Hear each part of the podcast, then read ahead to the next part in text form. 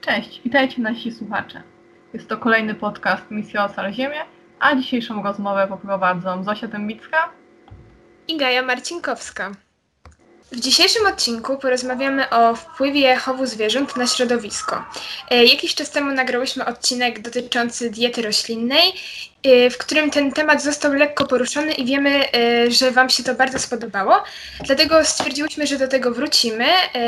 Jeszcze raz poruszymy ten temat, teraz trochę bardziej szczegółowo i porozmawiamy z kolejnym ekspertem. A dzisiaj naszym gościem jest pan Jarosław Urbański, socjolog, aktywista i ekspert z Zachodniego Ośrodka Badań Społecznych oraz Ekonomicznych. W takim razie przejdźmy do pierwszego pytania, które w sumie bezpośrednio wynika z tematu naszej rozmowy.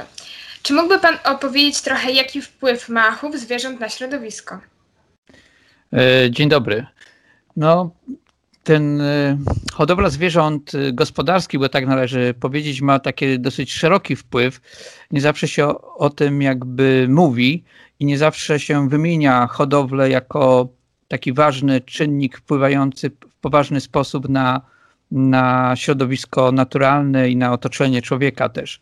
No przede wszystkim y, hodowla zwierząt y, jest y, odpowiedzialna za całkiem sporą, spory odsetek emisji gazów cieplarnianych I to jest jakby jeden z takich e, powodów, dla których warto o tym wspomnieć, czyli teraz wiadomo, że gazy cieplarniane to jest jakby taki e, bardzo ważny temat, który często jest poruszany, no i hodowla zwierząt, ale także produkcja roślinna na pasze dla zwierząt jest tutaj ważnym jakby takim czynnikiem, o którym się często wspomina, e, w, w, też w kontekście takim raczej na przykład też dotyczącym pozyskiwania nowych pastwisk dla, w, dla bydła i na przykład gdzieś w okolicach, na przykład gdzieś w okolicach równika, w lasach tropikalnych, wycinanie tych lasów tropikalnych, żeby wypasać bydło. Także jedny, to jest jakby jeden z takich dosyć wyraźnych e, przykładów wpływu hodowli zwierząt na, na środowisko. Drugim no to jest, że w ogóle hodowla emituje szkodliwe gazy, lub też takie substancje odorowe, e, które wpływają na całe otoczenie. Po prostu e, wielkie fermy wokół siebie rozsiewają taki dosyć smród i ten smród oczywiście należy też traktować jako formę jakby oddziaływania na środowisko negatywnego, bo to jest tylko, nie tylko, że to jest nieprzyjemne dla człowieka, to jest też jakby ważny element w ogóle całego środowiska, oddziaływuje nie, nie, tylko na ludzi. Następną kwestią, która jest bardzo ważna, to jest, że duże fermy, gdzie zgromadzone no, dziesiątki tysięcy na przykład świń, e, czy na przykład nawet kilka milionów ptaków, bo takie wielkie są zakłady produkcyjne na jednym właściwie małym terenie, tak duże jakby liczby zwierząt są trzymane, powoduje, że w oku, wokół tej fermy, w dużej nawet odległości, no, może dojść do zatrucia wód i gleby y, poprzez na przykład nagromadzenie obornika i gnojowicy, co też powoduje, że te odchody poddawane różnego rodzaju czynnikom, e, opadom atmosferycznym i tak dalej, są na przykład spłukiwane do różnego rodzaju e, wód powierzchniowych, e, ale też podziemnych. I to jest też jakby taki ważny, wa, ważny problem. To też jest kwestia na przykład nad y, takiego po prostu zatrucia też wód y, i spływania tych substancji odżywczych y, do na przykład Bałtyku jeżeli na przykład często się nie łączy z produkcją rolniczą i z produkcją zwierzęcą, takiego na przykład, takiej na przykład sytuacji jak to, że nie możemy się kąpać na plaży latem, bo są sinice, a to jest między innymi spowodowane właśnie no, takimi procesami jakby wypłukiwania odżywczych e, substancji, yy, taka nadżyzność jakby wody, która jest też spowodowana właśnie działalnością hodowlaną, ale też yy, produkcją na pasze. To jest jakby i, i, i następna kwestia. No, innym oddziaływaniem takim ważnym wielkich ferm hodowlanych, to są po prostu rozsiewanie wirusów i bakterii. To jest też takie ważne, bo w takich hodowlach tego typu y, powstają specyficzne formy na przykład wirusów i zagrożenia wirusowego y, i oddziaływuje to na ludzi. Był taki słynny przypadek y, w 2009 roku, kiedy wybuchła tak zwana świńska grypa, która no, według niektórych szacunków nawet zabiła kilkaset tysięcy Y, osób, chociaż oficjalnie, jakby laboratoryjnie stwierdzono, że to było 18,5 tysiąca zgonów, ale było ich zdecydowanie, zdecydowanie więcej. No i też jakby no, te procesy, te, te problemy związane z, z epidemiami są też ważne dla nie tylko dla ludzi, że, te, że to oddziaływuje ta ferma na ludzi, jest zagrożeniem dla ludzkiego zdrowia, ale też no, to są takie zależności, jak na przykład afrykański pomór świń. To jest taka choroba, która prowadzi do tego, że miliony świń, na przykład w 2009, w 2019 roku miliony świń zostało zabitych, bo były po prostu zarażone. Z tych też powodów, żeby, bo no, jakby nosicielami tej choroby, tym ASF jest tak, że są też dziki, y, może pamiętacie, że, że kilka lat temu, też w 2009 roku, o ile dobrze pamiętam, rozpoczęto masowe y, odstrzał dzików właśnie pod tym hasłem walki z ASF-em, czyli żeby bronić stada hodowlane, wielkie fermy, Y, to, to po prostu zabijano masowo y, dziki. Y, no jeszcze można wiele tutaj wymieniać innych jeszcze takich różnych przykładów dotyczących oddziaływania fermy, na przykład ucieczki, to jest teraz akurat ferma zwierząt futerkowych, na przykład norki, kiedy uciekają z ferm, a jest to zjawisko dosyć powszechne, no one się jakoś próbują odnaleźć w tych nowych warunkach, ale ich duża liczba, jeżeli w danym środowisku się pojawi, gdzieś tam w ujściach rzek, e, no to wtedy e, na przykład są zagrożeniem dla ptactwa e, wodnego. Jest to też takie były opracowania, które pokazywały negatywne skutki właśnie te, mm, te, takiej sytuacji, kiedy norka jako gatunek inwazyjny doprowadzał do, do wytrzebienia ptaków wodnych. E, no i mm, jeszcze na pewno takim ważną, może ważną informacją jest to, że tak naprawdę zwierzęta hodowlane w tej ilości, której je trzymamy, po prostu wypierają i zabierają, jakby w cudzysłowie, zabierają miejsce e, zwierzętom dzikim. Dzisiaj, kiedy mówimy na przykład o sakach, to dzikie saki stanowią tylko 4% y, no jakby całości y, więc 36% y, to ludzie, a 60% aż to właśnie zwierzęta y, hodowlane, więc to też ta zmiana tej struktury jakby gatunkowej y, w ujęciu globalnym, no też jest jakby niekorzystna i też można ją traktować jako negatywne oddziaływanie na, na, na środowisko. Tak samo jak wszelkiego rodzaju na zwierzętach hodowlanych stosuje się różnego rodzaju zabiegi hodowlane, jakby do, tworzenie takich gatunków szybko, szybko rosnących, y, y, które mają zapewnić, że ta, nie wiem, broiler czy ta będzie po prostu mm, kurczak będzie szybko rósł, będzie szybki przyrost masy ciała i dlatego jest tak specyficznie jakby hodowany, specyficznie e, karmiony, ale też dokonuje się też takich genetycznych zmian i to w zaskakujących czasami e, przypadkach, na przykład w przypadku hodowli zwierząt, w hodowli ryb na przykład akwariowych, które wykorzystuje się nie tylko jakby z przyczyn hobbystycznych, ale także one są przedmiotem też handlu i są też na przykład wykorzystywane masowo w różnego rodzaju eksperymentach, e, w eksperymentach biologicznych czy medycznych e, i to też jest jakby zagadnienie dosyć e, kontrowersyjne. To tak mówiąc ogólnie na ten moment. Jakby się nad tym zastanowić, ludzie od dawna hodowali zwierzęta. Czy ten wpływ jednak zawsze był aż tak szkodliwy jak dzisiaj? Znaczy, yy, znaczy to nie jest tak, że zwierzęta były od dawna. Tak? To znaczy hodowla zwierząt to tak naprawdę jest kojarzona z tak zwaną rewolucją neolityczną, czyli to by oznaczało, że gdzieś od powiedzmy 10-12 tysięcy lat temu. Natomiast no, lud historia ludzkości jest nieco dłuższa. Możemy powiedzieć, no, że zdecydowanie dłuższa. W każdym razie no, to nie jest tak, że, że to było tak, że zawsze zwierzęta były hodowane. E, natomiast teraz ta sytuacja jakby z wielkimi takimi e, fermami, ogromnymi fermami jest zupełnie nową sytuacją. Kiedyś tak e, nie było. To jeszcze tak naprawdę wielkie fermy przemysłowe, które jak mówiłem no, skupiają dziesiątki tysięcy zwierząt, ssaków typu świnie, albo na przykład miliony ptaków, y, no to są, to jest wynalazek tak naprawdę, w cudzysłowie wynalazek, forma produkcji, która przyszła do nas względnie niedawno, i tak naprawdę to jest kwestia XX wieku. Ewentualnie, a tak naprawdę w Polsce liczba tych ferm gwałtownie zaczęła rosnąć dopiero w ostatnich kilkunastu latach. Wcześniej były tego typu y, jakby hodowle, ale było ich zdecydowanie mniej, były one mniejsze, były rozproszone i zupełnie na innych terenach powstawały, w otoczeniu lasów i tak dalej. Dzisiaj te fermy powstają w centrum Polski, często blisko no po prostu zabudowań ludzkich e, i, i dlatego są jakby też wywołują takie jakby kontrowersje.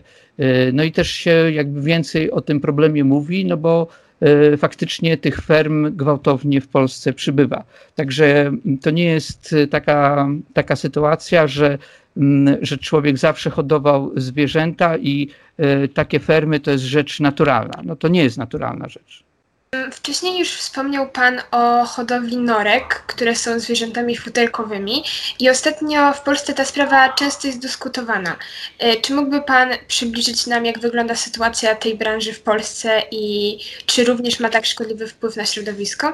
Hodowla norek, czy w ogóle zwierząt futerkowych jest kontrowersyjna też z tego względu, że oczywiście ona się nie wiąże z produkcją jakby spożywczą, tak? czyli z produkcją rolniczą. Niektórzy nawet odmawiają, czy tam sami nawet rolnicy odmawiają prawa e, hodowcom norek do tytułowania się rolnikami. Uważają, że to jest po prostu przemysł, czysty przemysł. I faktycznie, no oczywiście norki, zwierzęta futerkowe hoduje się głównie dla ich futra i jest głównie są wykorzystywane w, w, w przemyśle futrzarskim. I w Polsce też jakby no, no incydentalnie e, hodowano e, zwierzęta futerkowe już od, od, od, od dawna. Oczywiście często też to były na przykład króliki, które też się hodowano na, na, na futro. Natomiast e, hodowla norek na taką przemysłową skalę to też jest zjawisko względne, względnie w Polsce tak naprawdę niedawne. E, taki wielki boom na hodowlę e, norek w Polsce wybuchł e, jakieś, no powiedzmy, 15 lat temu. No i po prostu Polska stała się trzecim co do wielkości producentem właśnie skórek futerkowych z norek po Chinach i, i Danii. No i, no i faktycznie budziło to kontrowersje z tego względu, że te duże fermy, które grupowały dziesiątki tysięcy zwierząt, norek, które często uciekały i były fatalnie traktowane, e, budziło e, no, dużo dy dyskusji i kontrowersji co doprowadziło do tego, że były nawet pomysły, żeby te hodowle zlikwidować, ale w konsekwencji żadne takie przepisy prawne nie zostały de facto uchwalone. Natomiast branża futrzarska sama sama się jakby załamała, to znaczy zapotrzebowania na futro jest y, dzisiaj dużo mniejsze niż powiedzmy 10 lat czy 15 lat temu, powiedzmy 10 lat temu. Y, tam przeżyło no najpierw taki mały kryzys, aż wreszcie przyszedł wielki kryzys i dzisiaj y, zwierzęta, jakby tych ferm w Polsce, czy tych zwierząt trzymanych na fermach, no jest tak mniej więcej o połowę mniej niż jeszcze kilka lat temu. Dodatkowo może słyszeliście, że nie tak dawno się właśnie mówiło na temat tego, że same norki są też nosicielami koronawirusa że ten koronawirus no jakby mm, jest dzisiaj problemem, więc na przykład w Danii do, doprowadzono do wybicia wszystkich zwierząt właśnie pod tym pretekstem, że stanowią zagrożenie dla zdrowia publicznego. To też daje nam wyobrażenie, jaki to jest duży problem, że musimy i to nie pierwszy raz, bo też z powodu na przykład ptasiej grypy trzeba czasami w Polsce miliony ptaków się po prostu zabija, kiedy są chore, e, no bo też jakby one nie tylko są zagrożeniem dla innych stad, ale też zagrażają sobie nawzajem, więc e, tak samo jest z norkami. Więc jeszcze na dodatek ten przemysł futrzarski dotknęły jeszcze ten kryzys związany z koronawirusem i dzisiaj no możemy powiedzieć, że, ta, że tych ferm mamy mniej, E, no i tak do końca nie wiadomo, na czym to się e, skończy. Ale na pewno moje zdanie jest takie, że należałoby tych e, ferm zabronić, że to jest dosyć kuriozalna i bardzo szkodliwa dla środowiska forma produkcji i, i kompletnie też jakby no niepotrzebna w dzisiejszych czasach. Wielu ludzi nie wyobraża sobie życia bez jedzenia mięsa. Jednak przecież nie jest to wcale aż tak zdrowe dla naszego organizmu, prawda? Znaczy, jedzenie mięsa to oczywiście są różne motywy, dla których ludzie nie jedzą y, mięso. No jednym z tych motywów jest to, że ono jest niezdrowe. E, w tym też sensie, że te wielkie jakby fermy, wielkie formy produkcji przemysłowej, e, no, muszą się po prostu w ten sposób być zorganizowane, żeby były opłacalne, że zwierzęta są w specjalny sposób jakby wykarmiane. Znaczy ten pokarm, który dostają dostają zwierzęta w trakcie hodowli, on odbiega e, znacznie od tego, co by one jadły, nazwijmy to w naturalnych jakby warunkach. E, to są z reguły po prostu mm, pasze przemysłowe, szczególnie jeżeli chodzi o drób, szczególnie jeżeli chodzi o, o ryby. To są specjalnie jakby przygotowywane pasze przemysłowe, którym, jak, których jakby takim, mm, których e, istotną cechą jest to, że mają dużą jakby udział białka e, w, w, tych paszach. Na przykład no, wiele zwierząt jest e, karmiona soją, tak? Obojętnie, czy wcześniej to jest naturalne było, czy nienaturalne dla tych zwierząt. Co, to chodzi też o to, żeby te zwierzęta jedząc, dużo białka szybko przybierały na wadze, żeby ten jakby proces produkcji trzymania tego zwierzęcia był jak najkrótszy, żeby w ten sposób jakby zaoszczędzić pieniędzy, żeby ono zostało jak najszybciej ubite w rzeźni, no i żeby zostało zjedzone. Więc nie może być mm, jakby z tej perspektywy ekonomicznej trzymane mm, długo, tylko im krócej, tym lepiej. No i to powoduje, że te zwierzęta jakby też chorują, bo mają przerost mięśni, e, ich szkielety nie wytrzymują, ponieważ chorują, to na przykład stosuje się antybiotyki, no bo różnego rodzaju kontuzje powodują stany zapalne, próbuje się je leczyć właśnie e, antybiotykami i tak dalej, co powoduje tak naprawdę, że te, e, że te nienaturalne substancje, antybiotyki, ale nie tylko antybiotyki, różnego rodzaju inne substancje, które jakby są wymagane przy hodowli, one się odkładają w mięsie, które ostatecznie ląduje na naszych e, stołach. Dlatego się przyjmuje, że z tej perspektywy na przykład mięso jest niezdrowe. Ono jest też e, niezdrowe w tym sensie, że ono stanowi coraz większy jakby procent naszego, naszego jadłospisu. Znaczy mięso i produkty pochodzenia mięsnego a my jednak, y, nasza dieta podstawowa jest to dieta zdecydowanie roślinna.